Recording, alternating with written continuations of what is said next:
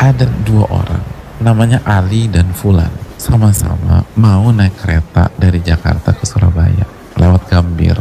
Ali ini bawa koper beratnya 60 kilo. Si Fulan ini bawa koper beratnya 20 kilo. Berangkatlah ke Gambir. Tahu Gambir kan?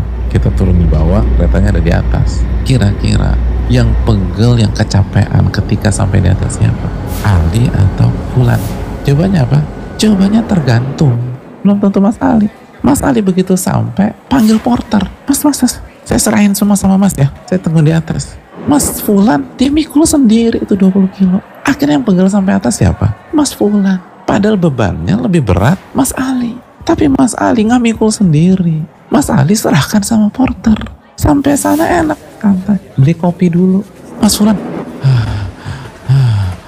itu menyerahkan sama makhluk yang lemah itu aja dampaknya besar. Lalu bagaimana dengan orang yang menyerahkan beban-beban hidupnya kepada Al-Qawi yang maha kuat, Al-Jabbar, Al-Ali, Al-Mutakabbir, Al-Wakil.